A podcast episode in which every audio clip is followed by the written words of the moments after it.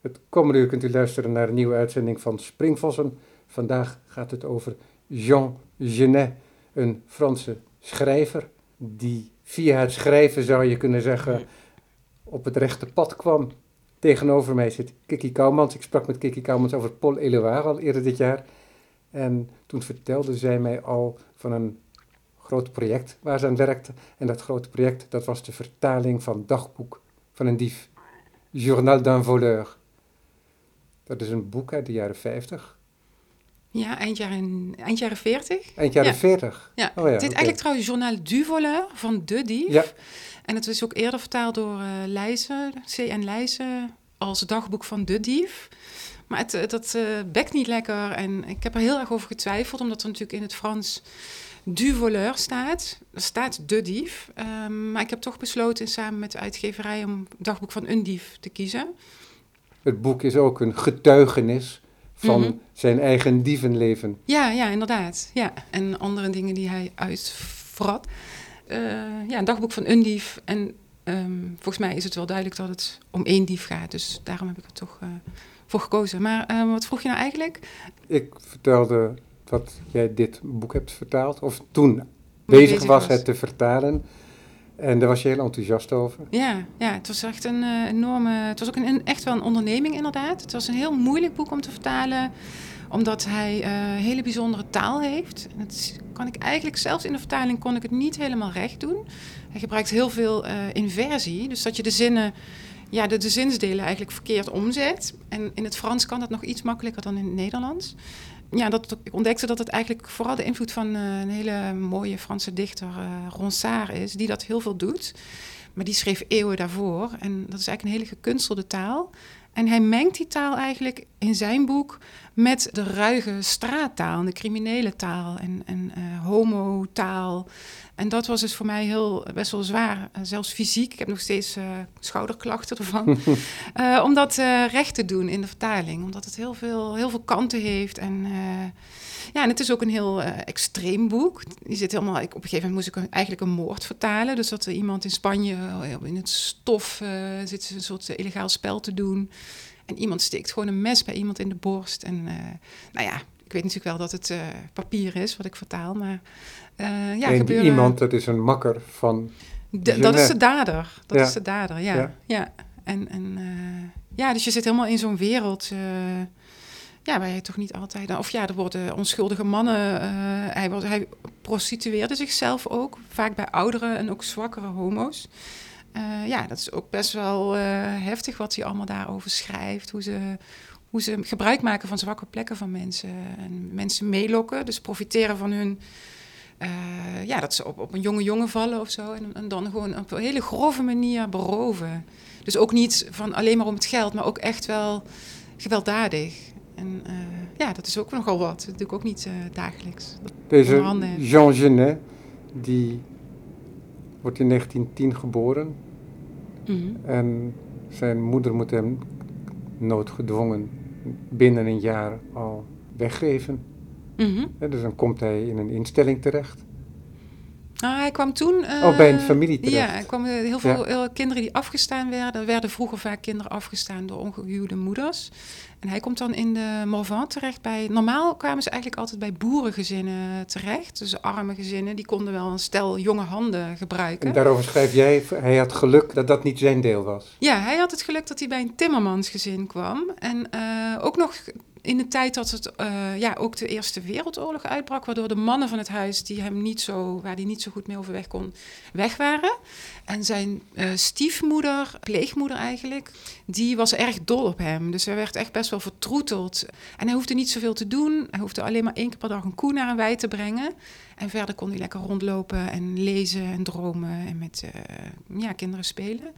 Het is wel zo dat hij dus ook die moeder verloren is. Want hij is dus eerst als zeven, jaar, eh, zeven maanden oude baby afgestaan. Door zijn moeder die eh, ja, alleenstaand was en niet voor hem eh, kon zorgen. Daar wil ik misschien dadelijk nog wel iets meer over vertellen. Maar vervolgens is hij alsnog pleegmoeder. Die ja, pleegmoeder is ook overleden toen hij volgens mij 13 was of zo. Dus dan heeft hij eigenlijk alweer, is al voor de tweede keer moederloos geworden. En het was ook zo dat kinderen op hun dertiende dan wel eh, uit die gezinnen werden gehaald en een opleiding moesten gaan doen.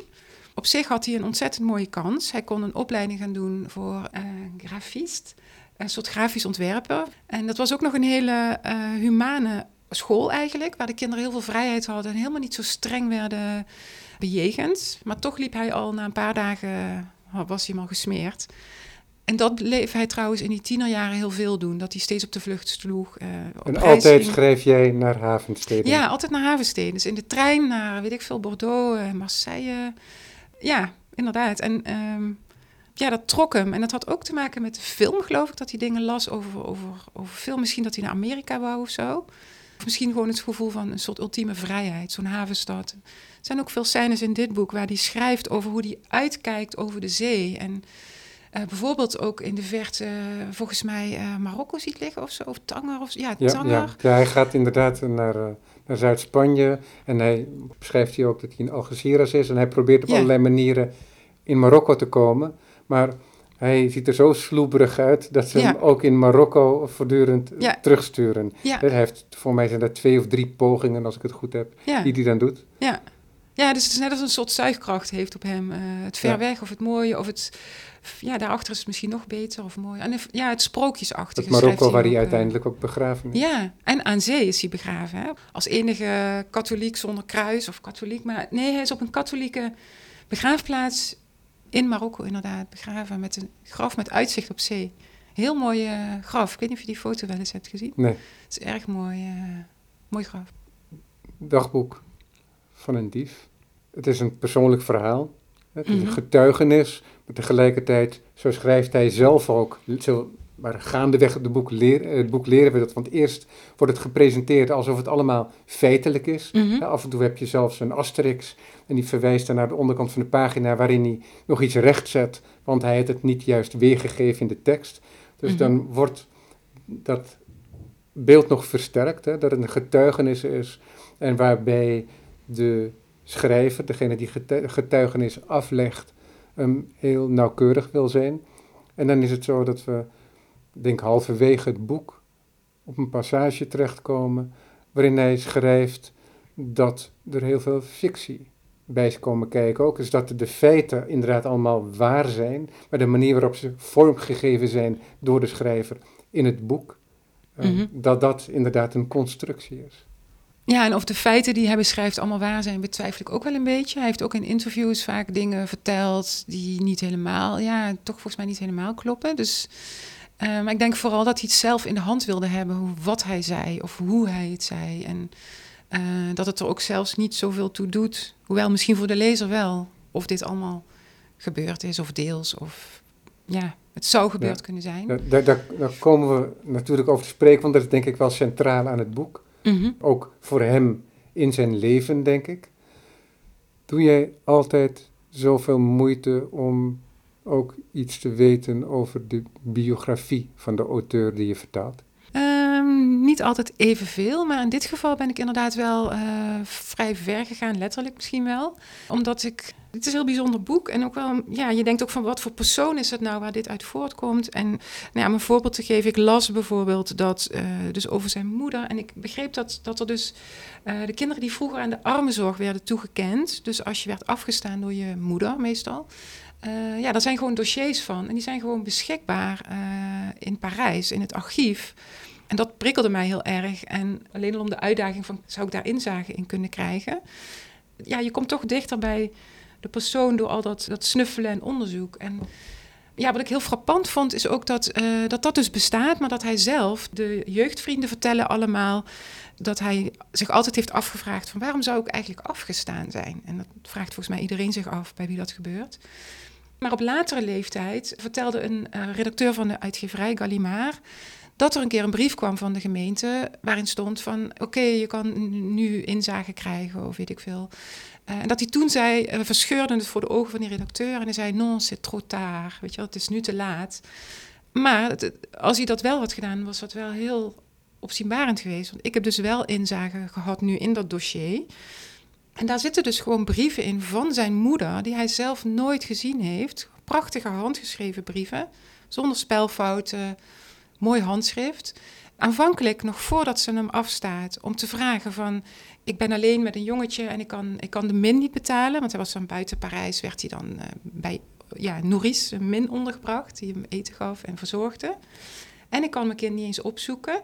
Kunnen jullie me wat steun geven? Nou, Parijs allemaal, ja oké, komt u maar een keer langs. Uh, ze hebben haar wat geld gegeven... Maar dat was niet genoeg. Dus heeft ze weer een brief geschreven. Ja, ik moet nu toch uh, zeer tegen mijn zin helaas dit kind afstaan. En ze is dus altijd blijven informeren. Ze is heel jong gestorven. Ze was 30. En ze heeft zelfs, ja, zeg maar, ze is op een gegeven moment uh, in het ziekenhuis opgenomen met griep of Spaanse griep, want die heerste volgens mij toen. En uh, tien dagen voor haar dood, toen ze net was opgenomen, heeft ze nog weer een brief geschreven. Ik wil graag weten hoe het met mijn kind is.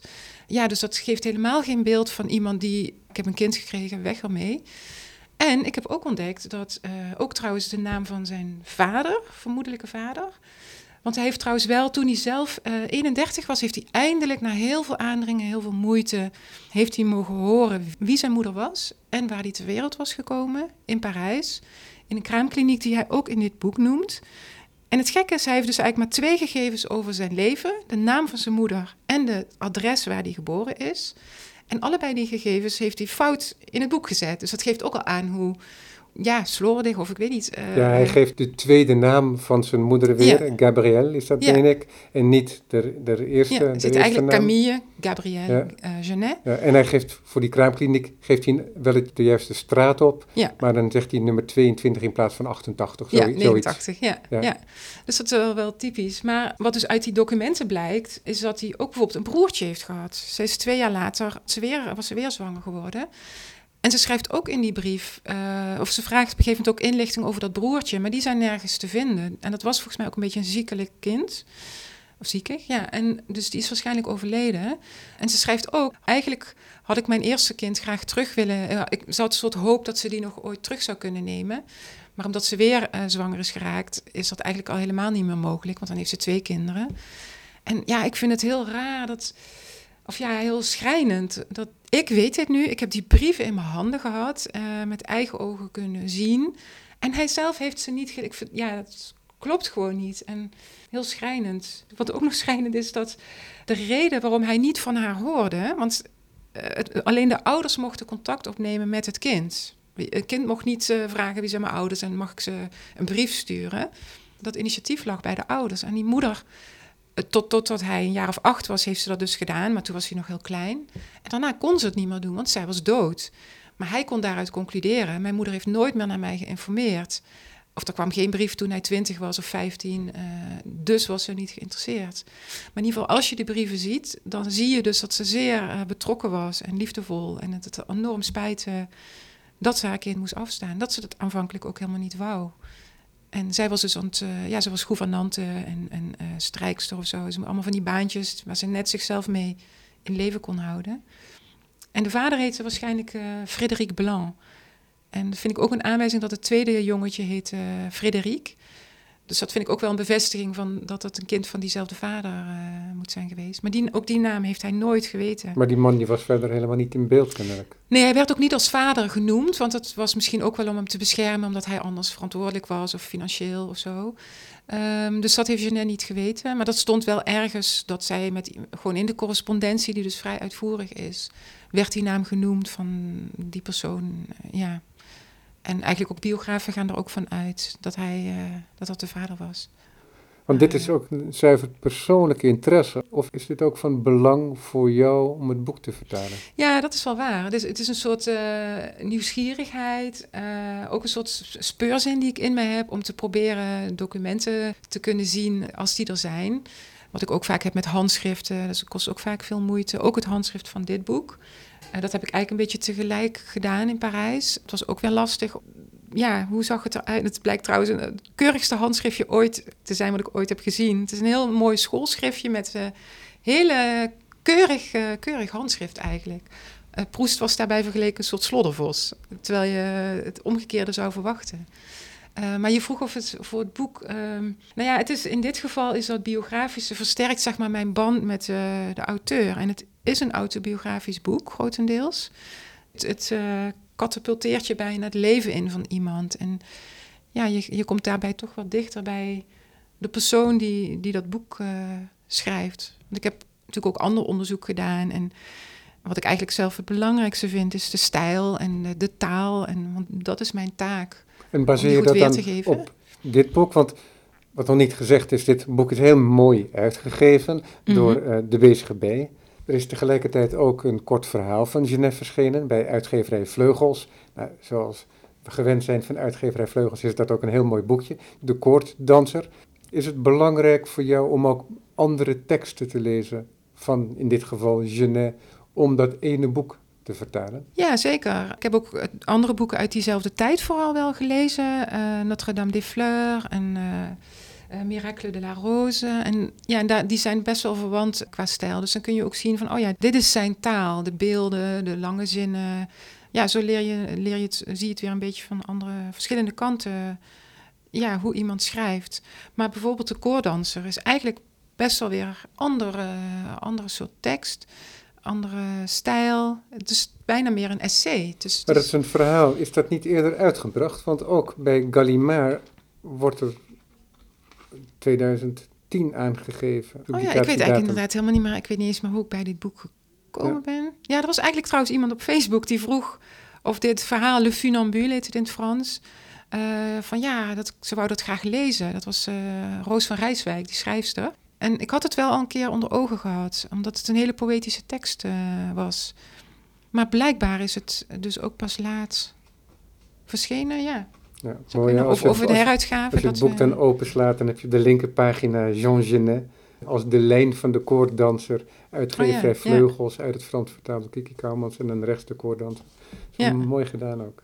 Ja. het omslag is ook een soort balanceren, als je de letters ziet, hoe ze zo uh, over de pagina verspreid zijn ja, dat is ook wel weer verbonden met een tragisch biografisch. Uh, ja, op zich is het eigenlijk helemaal niet mijn grootste belangstelling. Gaat meestal niet eens uit naar het biografische. Maar bij Genet is wel, ja, hij heeft, heeft zo'n, ja, toch kleurrijk en uh, woest leven gehad. Dat toch wel de aandacht trekt. Als je zo ik vond, het, ik vond het ook opvallend, omdat ik ook collega's van je heb gesproken. die zelfs als een mogelijk een cyclus gaan vertalen. Mhm. Dat bij het eerste deel van de cyclus eigenlijk alleen het eerste deel was gelezen. Mhm. En ja, dat werk werd afgeleverd. En dus niet in dat ruimere verband. Ja, soms, uh, soms is mijn blik wat beperkter inderdaad. Uh, ja, ik ben nu met Jean Genot bezig. En ja, die heeft heel veel romans geschreven. En ik ben zijn debuutroman aan het vertalen. Maar ik, ja, ik ken niet zijn hele oeuvre. Maar dat voel ik ook wel een beetje als een tekortkoming. Dat kende hij op dat moment ook nog niet. Nee, dat is waar, want dit is het debuut. En ook als ik een nawoord schrijf, heb ik op zich niet zo heel veel te maken met alles wat erna kwam. Ja, het is heel mooi. Ik las gisteravond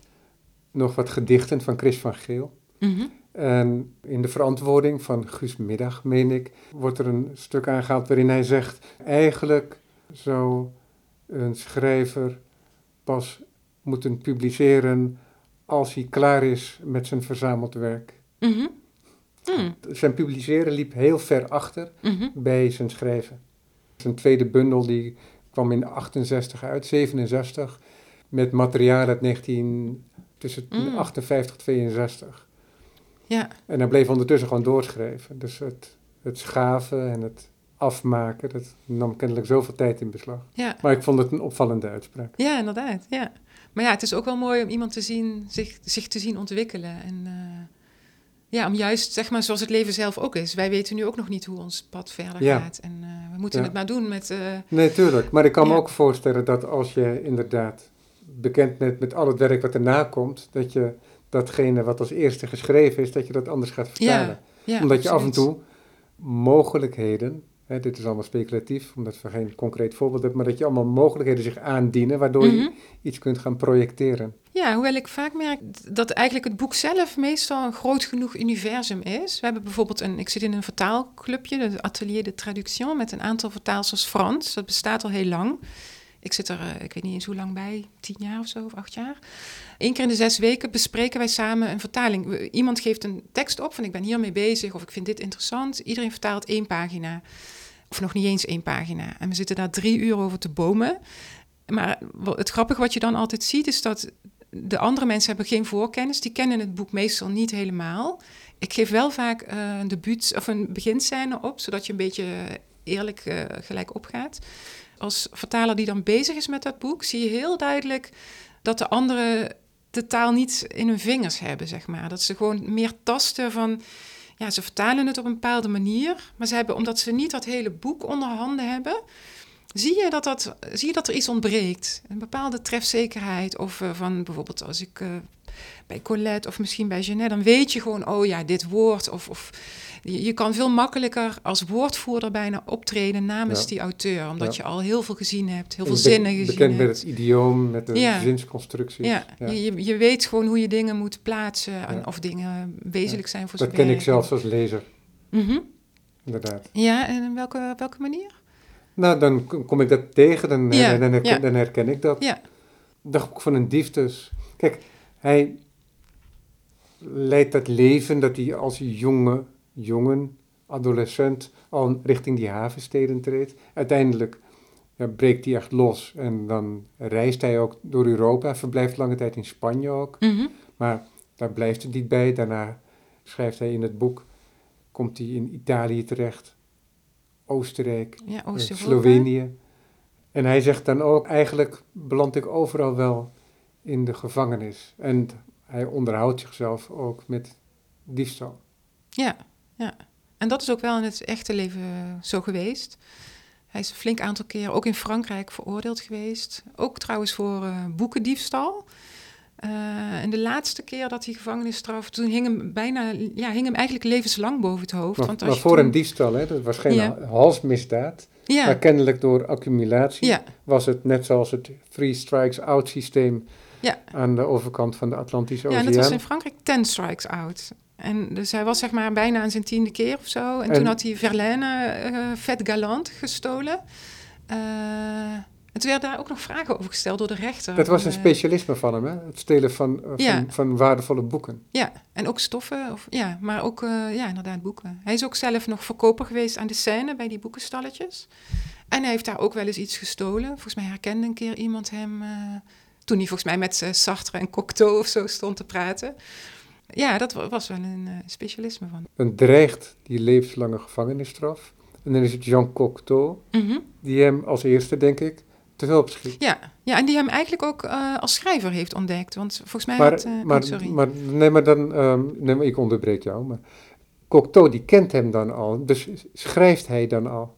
Ja, dat, dat wou ik net eh, zeggen. Dat hij. eh Cocteau had een gedicht van hem, een lang gedicht van hem gelezen. En volgens mij was dat het gedicht eh, Le Condamné à mort. Dat is een heel vormvast gedicht.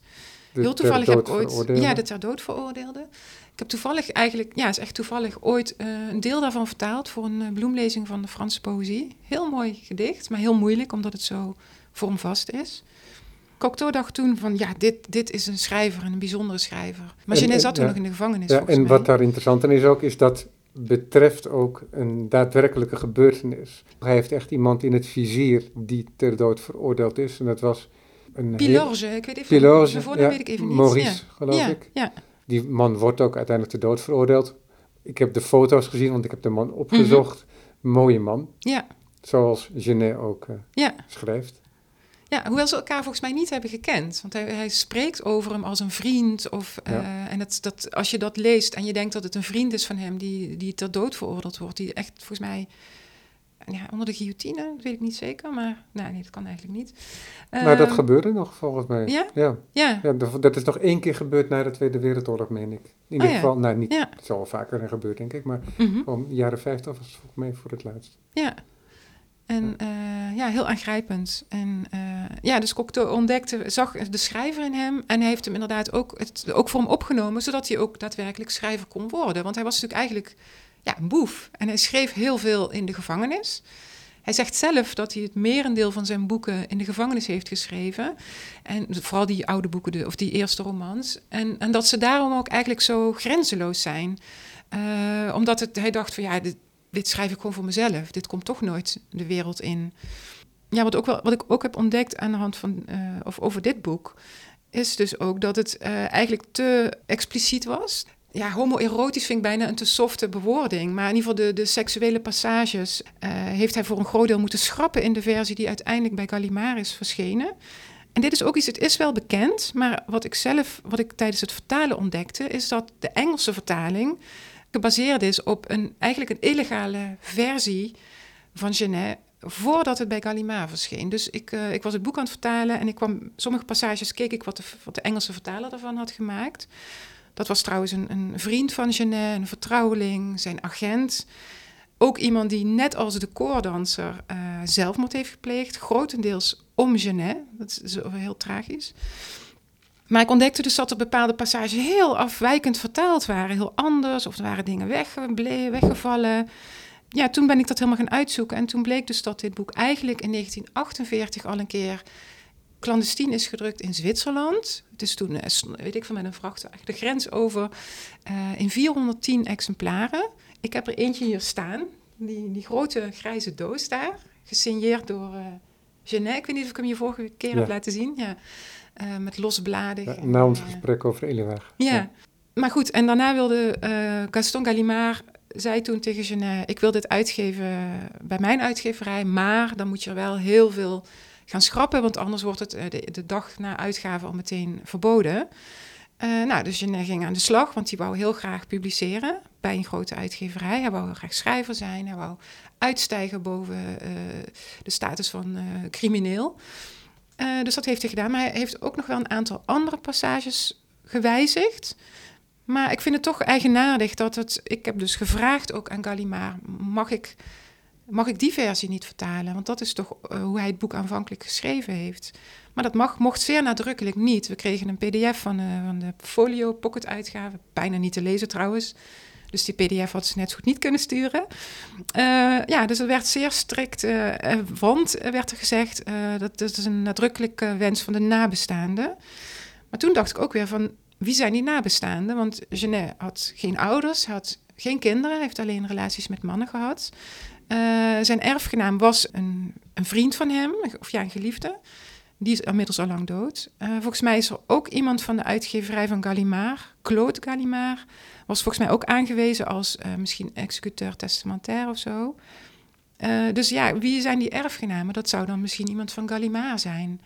En waarom willen zij zo nadrukkelijk niet dat die oorspronkelijke versie wordt uitgegeven? Ze zouden daar veel publiciteit mee kunnen krijgen ja, wat, brengt ze ertoe te denken dat Jeannette het misschien niet wou? En het is nog altijd zo dat in Anglo-Saxische, Engelstalige deel van de wereld die expliciete versie. Absoluut, die circuleert al, al. Hij is eigenlijk al trouwens in de jaren 50 gemaakt in Parijs door een Franse uitgever uitgebracht met het verbod op verkoop in Engeland en Amerika. Ja, fascinerend, hè? want dat boek dat in Frankrijk verboden is, mag in vertaalde vorm wel in Frankrijk gedrukt worden. Toen wel. Want dat gebeurde ook met James Joyce. Die mhm. kon niet in het Verenigd Koninkrijk worden gedrukt, maar mhm. wel in Frankrijk. Maar de Fransen ja. lazen nog bijna geen Frans. Dus, uh, geen Engels? Geen Engels, pardon. Ja. Maar uh, nou, in ieder geval in de jaren zestig is het wel uh, in Amerika en Engeland verschenen. Uh, ja, en het verschijnt nog steeds. Het is onlangs met een nawoord van Patti Smith, of een voorwoord, uitgegeven. Heel bezield voorwoord heeft ze erbij geschreven. Ze heeft haar hele leven een fascinatie voor hem gehad. Maar in ieder geval, het gekke is dus dat de, ja, in de, Ang de Anglo-Saxische wereld leest die versie die Gallimard verborgen probeert te houden. Maar hij is dus helemaal niet verborgen, want hij is er gewoon. Ja, Iedereen kan hem lezen. ja. ja. Dus. Dit, wat ook curieus is natuurlijk, is dat hij schreef niet met het oog publicatie, maar tegelijkertijd schrijf je natuurlijk geen boek. Want je moet zoveel moeite doen om een boek vorm te geven, want anders krijg je een oeverloze tekst. Is toch, heeft toch een heel ander karakter ja. dan uh, een boek, zelfs een boek in de ruwe vorm. En hij wist al wat publiceren was, want dat gedicht Condamné à mort was ook al verschenen. Maar ook daar, dus alles wat hij zelf zegt, je weet nooit precies uh, in hoeverre het precies ja. uh, klopt. Ja. Het gebeurt niet zo heel vaak dat we het over heel veel biografie hebben in het programma. Het uh, is op zijn plek nu ook, dus dat moeten we vooral doen. Maar het lijkt me toch ook mooi om wat dichter op het boek te komen. Ja, zeker. In dat boek heeft hij hele romantische metaforen, zou je kunnen zeggen. En die presenteert hij eigenlijk ook op een vrij ruwe manier. In die zin dat hij uh, de criminelen vergelijkt met, uh, met de allermooiste bloemen die hij mm -hmm. kan bedenken. En je hebt voortdurend ook, uh, wat jij zelf ook opmerkt in je, in je nawoord, een omkering van waarde. Mm -hmm. Dat is een heel elementaire stijlfiguur. Ja. En die past hij toe. En op een gegeven moment in het boek heb je zo'n passage, en dat is een soort metapassage. Mhm. En daarin gaat hij zelf verklaren waarom hij dat zelf doet. Mhm. En er zitten een aantal van dat soort passages in het boek dat hij boven zijn project uit gaat zweven. Alsof dat er Ja. allemaal later aan toegevoegd is. Ja. Ja, dat zou kunnen. Dat heb ik niet helemaal kunnen uitzoeken. Maar eh, ja, inderdaad, hij, eh, hij keert de waarde als het daar om. Het goede is slecht en het slechte is goed. En eh, eh, schoonheid en lelijkheid. Een beetje, eh, dat heeft iets naïefs, Oh ja, van, ja. vind ik zelf. Ja. ja. Maar tegelijkertijd komt het ook overeen met ja, de brute wereld waar hij deel van uitmaakt. Ik, ik heb het ervaren als een, een vorm van een soort je waardigheid proberen te vinden in een, in, in een, een situatie die dat eigenlijk niet vanzelfsprekend heeft. Hè? Dus Ja. eh, om niet gestigmatiseerd te worden. Wat trouwens ook mooi is, een stigma. eh, in, in het Franse stigma voor boeven vroeger, dat was een, een lelie. Dat is ook wat typisch Genet. Ja. Dat heb ik ook dankzij dit boek geleerd. Dat, dat gebruikt hij ook. Hij had het zelf kunnen bedenken. Eh, dat geeft ook weer aan, eh, weet je wel, de, de criminelen hadden een bloem op hun, eh, een soort brandmerk van een bloem op hun arm of weet ik veel waar. Ja, en, wat, en ook bijvoorbeeld wat hij dan schrijft, dan gaat hij een soort lofzang op de gevangenis beschrijven. Eh, dat, dat beschrijft hij dan als een soort, ik bedoel, een gevangenis is zeg maar log en, en lelijk en anonimiserend. Ik bedoel, iedereen is gewoon een nummer.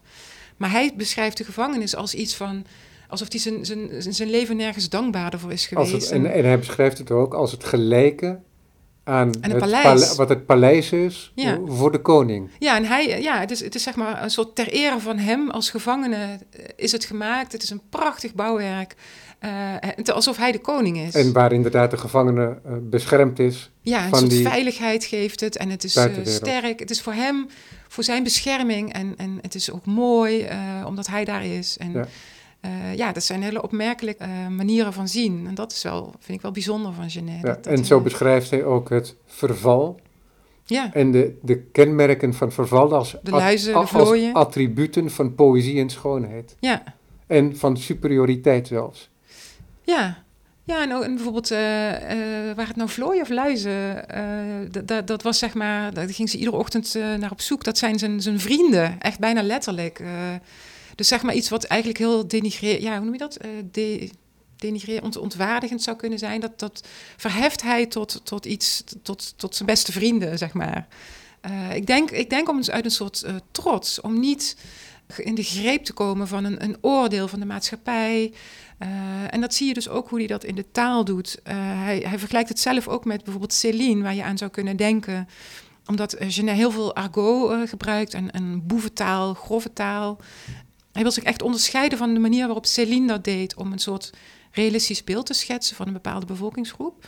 Hij gebruikt het argot om een soort nieuwe taal te maken. En hij, hij, hij laat het versmelten met, met inderdaad eh Ronsard of Racine de, de, of Proust. Om zelf een, een, om er een eigen taal van te maken die heel waardig Ja, is. en dat mooi. argot, dat is echt het allermoeilijkste voor een vertaler, denk ik. Want als ik bijvoorbeeld ehm, oude vertalingen van Queneau lees, Mhm. dat is echt niet te doen. Want hoe hebben die dat aangepakt? ja, dat is heel Eh, lang geleden ja. dat ik ooit voor iemand als cadeau zo'n Queneau-boekje wilde kopen. En toen ging ik erin bladeren. En toen las ik wat en denk van ja, dit kan ik niet cadeau geven. Mhm. Dit is niet de Queneau die ik lees in het Frans. Ja, misschien lag het toevallig aan die vertaling. Maar ik denk toch dat dat iets heel passerend is. Want ik denk dat het argot eh, nog sneller, het bargoens, Mhm. eh, nog sneller verandert dan de alledaagse spreektaal. Ja, ook weer niet. Ik vond het in, heel- in dit boek heel erg leuk om daar heel veel onderzoek naar te doen. En om daar te, eh, ik vind het altijd bij argot heel belangrijk, eigenlijk het belangrijkste, dat je dus niet een soort vervreemding krijgt, maar dat het Ja. overtuigend overkomt en dat het de, de juiste sfeer oproept. Eh, maar ik ontdekte bijvoorbeeld, ik heb nog een, een week voordat mijn vertaling klaar was, kwam ik nog een boekje op het spoor, eh Gabbertaal. En dat is eigenlijk al een reactie op wat jij zegt, van dat het veroudert. Maar dat gabbertaal, dat is dus de taal van de jaren 30, de, de boeventaal. Precies de tijd waarin dit boek speelt. Hij schreef het in de jaren 40, maar het speelt vooral in Spanje, in Antwerpen, Marseille in de jaren 30. Daar staat ook bijvoorbeeld het woord baaiers in, waarvan ik eigenlijk dacht dat het een beetje jaren 70 woord was, van de Bijlmer baaiers. Eh, dus die woorden komen heel vaak, maar er zijn wel modes. Het, het, het komt en het verdwijnt en het komt weer terug. Ik hoor mijn zoon nu ook weer dingen zeggen die ik in de jaren tachtig zei, van ruig en zo. Dat is heel lang weg geweest. Dus het is een heel grappig soort van, eh, ja, golvende bewegingen van die woorden.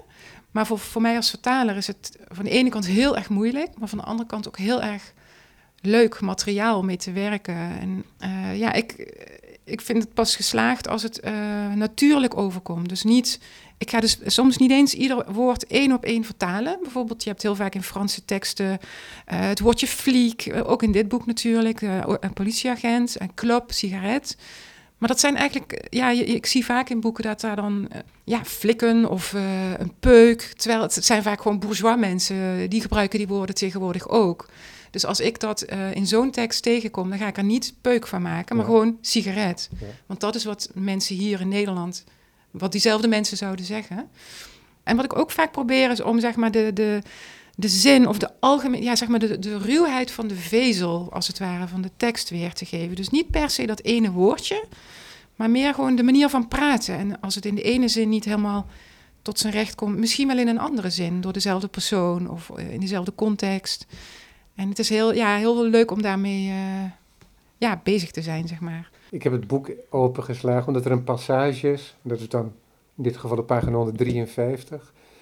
Hij zit in die wereld en hij is verbonden met die wereld omdat hij doet wat de mensen in zijn omgeving doen, maar ook omdat hij voortdurend die fascinatie heeft voor die vrienden van hem om hem heen, de mannen op wie hij verliefd is. Maar hij is verliefd op hen om hun fysiek, om mm -hmm. hun gebreken, maar ook omdat zij deel uitmaken van die wereld ja. en niet van die wereld daarbuiten, van de mensen die zich aan de wet houden. Mm -hmm. ja. En het is ook zo dat hij op een gegeven moment beschrijft dat hij merkt dat hij zo'n liefde, waar hij zich maar niet van los kan maken, dat die liefde wat afstandelijker wordt langzamerhand. En dan is die passage uh, waarin dat eigenlijk helemaal vorm krijgt. En dan wordt er tegen hem gezegd, je bent echt geschift aan het worden. Geschift, herhaalde ik, terwijl ik grote ogen opzette, geschift. Ik meen me ook nog te herinneren dat mijn absolute kennis werd geopenbaard toen ik, in de toestand van luxueuze onthechting waar ik het over heb, een vergeten waskneper aan een waslijn zag hangen. De sierlijkheid en de vreemdheid van dit kleine vertrouwde voorwerp deden zich aan me voor zonder verbazing te wekken. Ik nam de gebeurtenissen in hun autonomie waar. De lezer kan zich wel voorstellen hoe gevaarlijk een dergelijke houding kan zijn in het leven dat ik leidde, waarin ik ieder moment alert moest zijn en het risico liep gepakt te worden als ik de gewone betekenis van de dingen uit het oog verloor. En dat vind ik een hele mooie passage, omdat dat iets is wat, zou je kunnen zeggen, heel erg eigen is aan de kunstenaar. En er is een boekje van James Lord, kunstcriticus, die bevriend was met Giacometti, ook voor Giacometti is gaan zitten. En voor zo'n zittingreeks, voor een portret, beschrijft hij precies diezelfde onthechting bij Giacometti. Mm -hmm. En je zou kunnen zeggen dat dat moment, hè, zo lees ik dat dan, een soort ontdekking is van zijn kunstenaarschap misschien. Omdat Ja. hij later ook zegt hoe belangrijk de woorden voor hem worden. Ja. Ja, want, ook, want met die woorden, die helpen hem denk ik ook met die onthechting. En eigenlijk is dat een dubbele onthechting. Omdat hij en los van de wereld staat, de Mhm. kunstenaar, en los komt te staan van die boeven. ja. Maar ja, goed, ook maar wel goed. mooi hoe het, hoe het in elkaar overgaat. Hè? Eerst gaat het over, ja, je bent geschift. En ineens komt er dan weer zo'n zo'n eh, overpeinzing. Zo'n Exact. bijna... Ja, het komt- het eh, komt direct voort, liter- Ja, hele literaire eh, gedachtegang die hij verwoordt. En hij is trouwens ook bevriend geweest met Giacometti. En heeft ook Oh, ge- ge- gezeten voor Giacometti. Er zijn ook veel foto's van. Ach, wat mooi, dat, dat verhaal ja. dat ken ik helemaal Hij heeft niet. zelfs ook een boek, L'Atelier de Giacometti. Ook over hem geschreven. Ach, wat ja. leuk. Nou, dat ga ik Ja. opzoeken natuurlijk. Ja, ja. Grappig. Ja. Ja, maar, is maar, een, maar eh, dat vind ik ook mooi in dit boek, die ene- dat die, die totstandkoming van zijn schrijverschap eigenlijk ook hierin beschrijft. Ja. Het is een dagboek van een dief, Ja. maar je zou het ook de geboorte van een schrijver kunnen noemen. ja. ja, veel reflecties over het schrijverschap. Ja, absoluut. Dat is eigenlijk bij de koordanser, ja, is dat eigenlijk, treedt- die passage die je nu voorleest, dat is zeg maar wat in de koordanser nog meer op de voorgrond komt. Hè? Dat reflecteren op het, het, kunstenaarschap, het schrijverschap, eh, Ja, dat is- het, dat is balanceren. Ja, het is heel fascinerend dat je dat nu zegt en dat geef je ook aan hè, in, je, in de tekst die je schrijft bij, de, bij je vertaling van de koordanser. Is dat het op een bepaalde manier ook een soort poëtica is. Ja, eigenlijk misschien nog wel Ehm. meer dan een Eigenlijk, je Ja. zei het is een verhaal. Maar is het een verhaal? Het is Ja. puur reflectie. Ja. Ja. Precies. En dat gaat ook op voor het dagboek van een dief. ja. Ja, eigenlijk misschien wel meer dan ik besefte nu je dit ook voorleest. eh. Ja. ja. Jean-Paul Sartre die heeft zelfs een, 600, Ja. eh, een studie van 600 pagina's aan hem gewijd. Ja. Een studie die hem eigenlijk het, eh, Weet je, door, het schrijven belette. ja, die ja, dat dwars zat dan eh omdat blij dat die grote Sartre, waar hij weliswaar bevriend mee was, maar dat die grote Sartre zo'n studie aan hem wijde. Ja. Dat kan ik me ook wel voorstellen. Ergens. Ja, hij voelde zich een beetje. eh, Hij werd natuurlijk eh, opgenomen in een theorie van Sartre. Van een mens Ja. die zichzelf eh, helemaal verwezenlijkt, eigenlijk. Op, op de manier die hij zelf verkiest. Dat is precies het existentialisme van Sartre. Ja. En daar was het voor hem een, een mooi, een mooi eh, symbool voor. Ja. Maar hij voelde zich ook een beetje. ja, gepakt, ja, zeg maar, in, een- in een kader gestopt door iemand anders. In- bijna als in een gevangeniscel. Ja. Dus, dus hij wordt Ja. opgenomen in het idee van. Sartre en niet Ja. van hemzelf. Ja, en dan het, het waarnemen van de gebeurtenissen in een autonomie, hè, om. Jeannette te parafraseren, wordt dan wel heel erg moeilijk. Ja, ja. Kan Het gekke is trouwens dat die studie van Sartre is deel 1 van het verzameld werk van Genet. Ja. Terwijl dit boek erin ontbreekt, het dagboek van een dief. Dat is niet opgenomen in het Ja, verzameld werk. Heel dat. vreemd. Ja. En bovendien, het is 600 pagina's dat van Sartre. Ja, daar begin je dan het verzameld werk mee. Het is echt heel, hele rare... Gekke keuze. eh, ja, heel vreemd. Ja. Maar goed, ja. Dat zal wel iets ergens bij die uitgeverij, een soort rare kronkel of zo zijn geweest. Het is natuurlijk zeer ongebruikelijk. eh, ja. Maar eh, ja, ze, hij is trouwens één dag na Simone de Beauvoir overleden. eh, in eh Dit, en dit is een 1986. vriendschap die lang heeft geduurd. Ja, ja. Die koorddanser. Abdallah Bentaga. Ja, want dat is ook weer verbonden.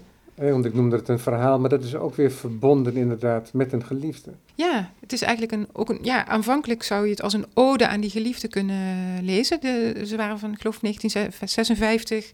Kreeg ze een relatie. Hij was veel jonger dan eh Genet. Het was ook een beetje een, 26 eh, jaar geloof ik, sorry. Ja, beschermeling. Genet nam het ook een beetje op zich om hem verder te brengen in dat koordansen. Om, er echt, om echt een ster te worden. Hij Ehm, heeft hem, wat ik uit jouw tekst begreep, zelfs tot het koorddansen gebracht. Al kwam hij wel uit een gezin van acrobaten. Ja. Ja, of in ieder geval een soort project van gemaakt. Ja, inderdaad. Ja, lessen betaald en, en bedacht. En zelfs ook choreografieën en kleding heeft Genet voor hem bedacht. Ehm, maar ja, het liep niet zo goed af. Ook omdat hij een keer eh, heel erg pijnlijk ja, ten val kwam, vrij fataal. Of niet helemaal fataal, maar in de beruchte salto mortale, die ook in de tekst veel beschreven wordt. En eh, ja, en hun liefde liep dus stuk op een gegeven moment. Maar volgens mij heeft hij toch daarna dit boekje geschreven. En eh, ja, deze is dus ook een van de mm, twee mensen in zijn omgeving die uiteindelijk zelfmoord hebben gepleegd, omdat ze zich toch verraden voelden door Genet. Ik denk dat het wel iemand was met een. eh, in deze tijd zou je wel een hechtingsprobleem, denk ik, eh, hem kunnen toeschrijven. Ja, wat ook want- niet zo vreemd is. Ja, precies, want dat ziet hij zelfs. Hij, heeft, hij, noemt, Ja. hij noemt drie deugden Mhm. ja. in het dagboek Oh van een dief. Ja. De eerste deugd die hij noemt is verraad. ja, dat is eigenlijk de allerhoogste deugd voor hem. Heel merkwaardig. Ik heb ja, geprobeerd dat een beetje te volgen. En, eh, ja, en, hij beschrijft dus ook eh, de, de geliefde waar hij door gefascineerd is in dit boek. Bijvoorbeeld Stili Tano, die, met wie hij wel in één, in, één kamer woont een tijd lang en in één bed slaapt. Maar die, ehm, ja, die niet eh, voor hem open staat, met wie hij geen eh, seksuele band kan krijgen. Maar hij, hij beschrijft in ieder geval vaak dat hij eh, valt ook op ja, heel eh, harde mannen, heel ontoegankelijke mannen. eh, ja, dus een soort, hij wordt aangetrokken door mensen die hem eigenlijk zullen afwijzen.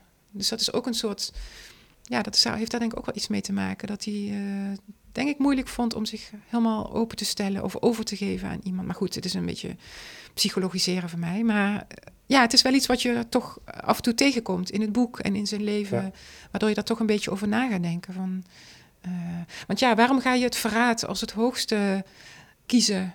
Omdat je dan zelf onaantastbaar blijft of wordt?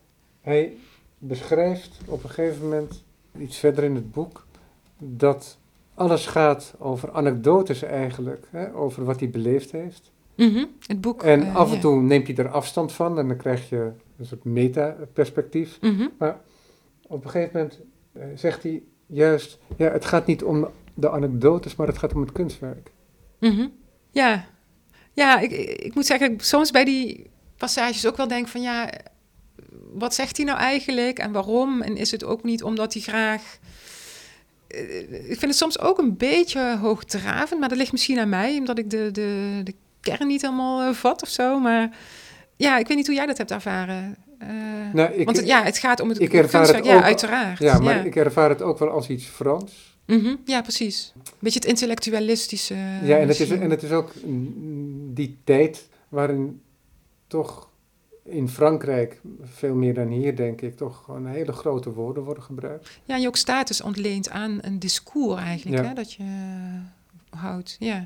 Ja. Hij houdt het allemaal wel binnen de, binnen de perken, maar hij, sp- Ja. hij, sp- hij spreekt zichzelf ook tegen. Ja, Want hier zegt hij inderdaad, um, hè, op, op drie kwart van het boek ongeveer, dus het gaat niet om de anekdotes, maar het gaat om het kunstwerk. mhm. Om vervolgens aan het einde van het boek, voorlaatste pagina, dit boek wil geen kunstwerk zijn.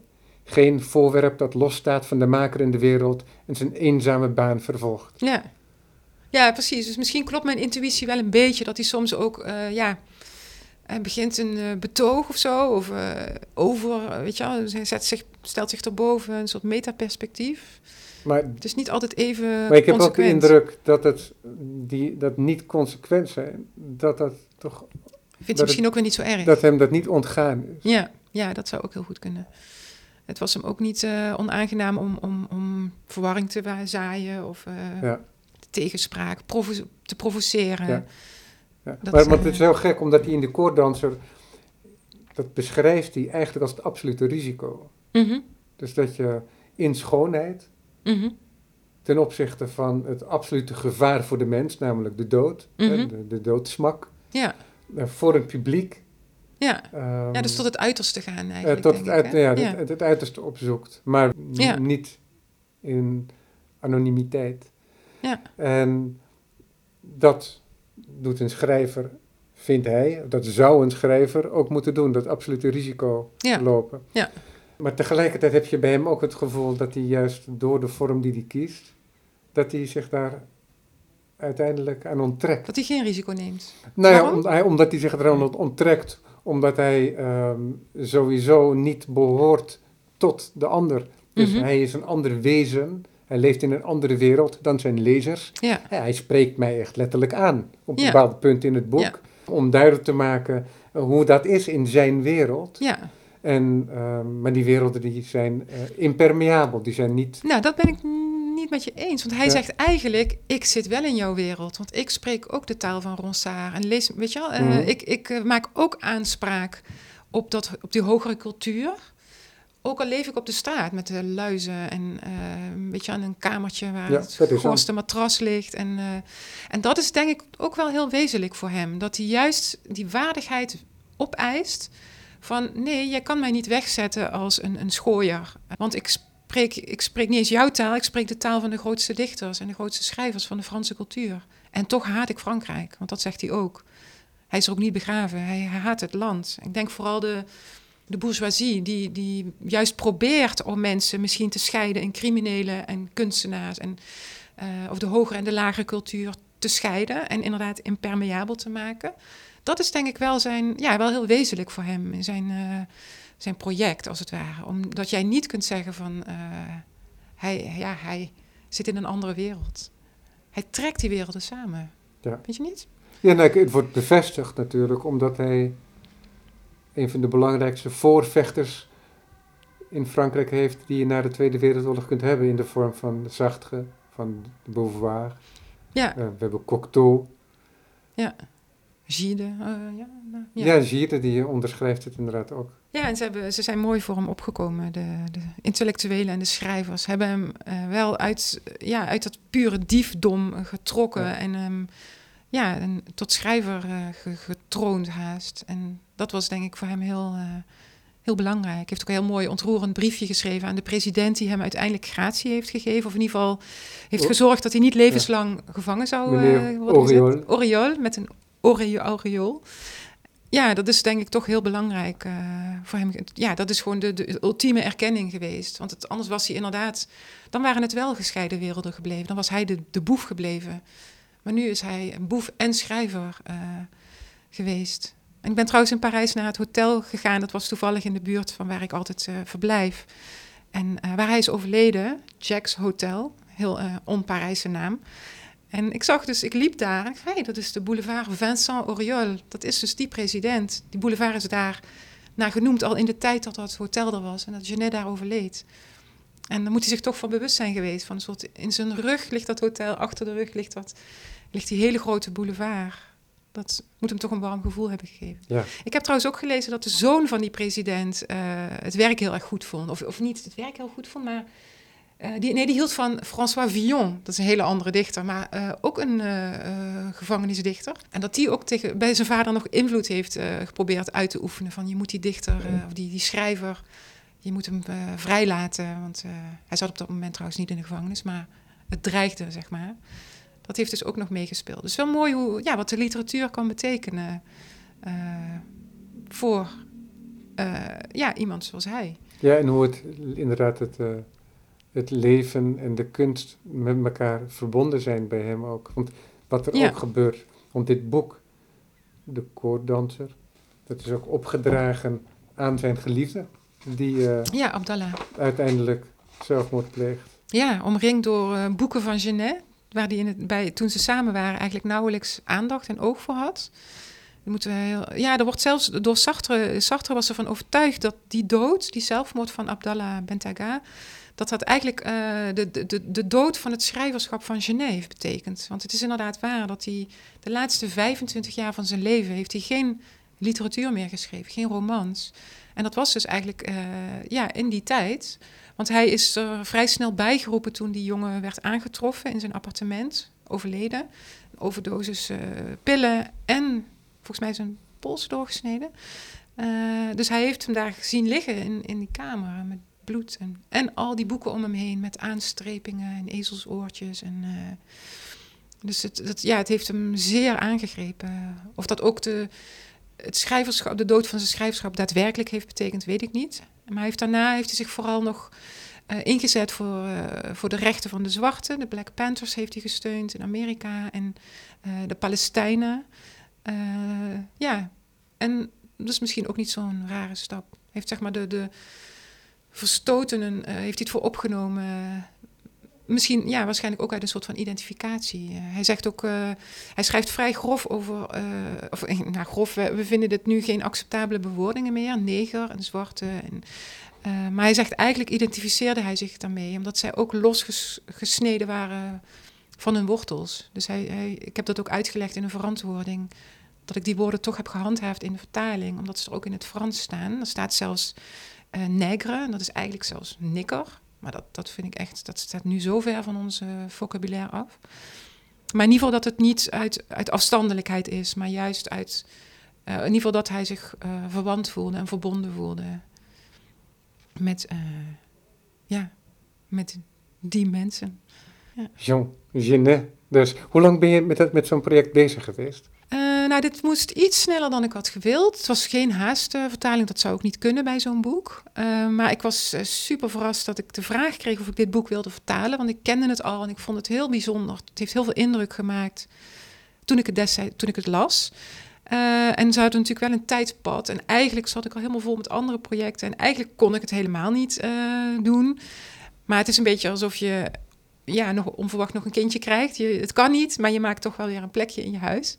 Uh, maar ja, ik weet het niet precies. Ik denk uh, een half jaar, zes, zeven maanden, als ik het me goed herinner. Maar dat lijkt heel lang. Maar het, het, was het echt het enige een project waar jij werkt in dat half jaar. Ja, nee, dat ook niet. Ja. Ik vertaalde ook andere. Uh, dus ja, misschien was het wel korter, maar het, het, het is vrij ja, je moet, ik, moest zoveel research doen en, en ik moest zo slijpen aan die zinnen die eigenlijk in het Frans zo moeilijk in een Nederlandse zinsbouw te stoppen waren. Is het dan lastig om los te komen van een schrijver als je dan een ander boek gaat vertalen van een andere auteur? Nee, in dit geval eigenlijk niet. Ik was ook wel heel erg opgelucht toen het klaar was en dat het volgens mij wel goed gelukt is. En, maar het is wel iemand waar ik misschien nog wel eens bij terug zal komen.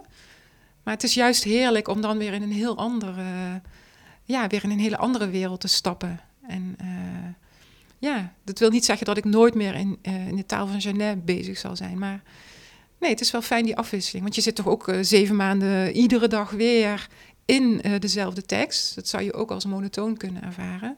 Dat doe ik niet, maar het is ook wel fijn als er daarna dan weer iets heel anders. Ja, eh, mijn ervaring is dat hoe meer je in een bepaald onderwerp zit, hoe meer je ervan gaat houden. Er zit dan Ja. een grens aan zitten ook, maar over het algemeen is dat toch het geval. Maar het is, eh, vertalen is niet alleen houden van. Hè? Het is ook zeg maar nee, nee. degene, zeg maar, alsof je met iemand die je bewondert ineens zeven maanden op vakantie gaat. Dus je zit Ja. iedere dag, eh, je ziet hem ook als hij, gaat, eh, als hij er niet uitziet, Ja. als hij uit bed komt, als het ware. Ja. En het, ja, ik heb daar wel eens een keer een, een lezing over gehouden. Het, het voelt voor mij, ik, ik bewonder hem niet minder daarom. Maar het is toch anders als je dagelijks met elkaar optrekt. En ik heb ook berekend dat volgens mij het vertalen van een boek is, dan lees je dus, dan ben je honderd keer in tijd honderd keer langer bezig met dezelfde tekst. Dus als jij het leest en ik vertaal het, en honderd keer is wel heel erg veel. En nu ik het zeg, ga ik bijna weer twijfelen, maar ik, ik heb het al eerder geverifieerd, omdat ik dacht, dat kan haast niet. Eh, dus het is honderd keer intensiever dan lezen. En eh, ja, dus dat is echt optrekken met iemand. En ook in, zijn, in de mindere momenten of in de momenten dat je moe bent. En dan is, weet je wel, dan is hij er ook. En, eh, Ja. maar dat maakt niet- de liefde niet minder, maar wel anders. Ja. Nou, ik eh, wens je heel veel succes in je relatie met Jean Giono. Ja, ja. Dan voor de komende maanden. Ik dank je voor je prachtige vertalingen. Dagboek van een dief uitgegeven door de Bezige Bij. En Jean Genet dus ook de koorddanser van uitgeverij Vleugels, Kiki Kouwmans. Dankjewel. Dankjewel.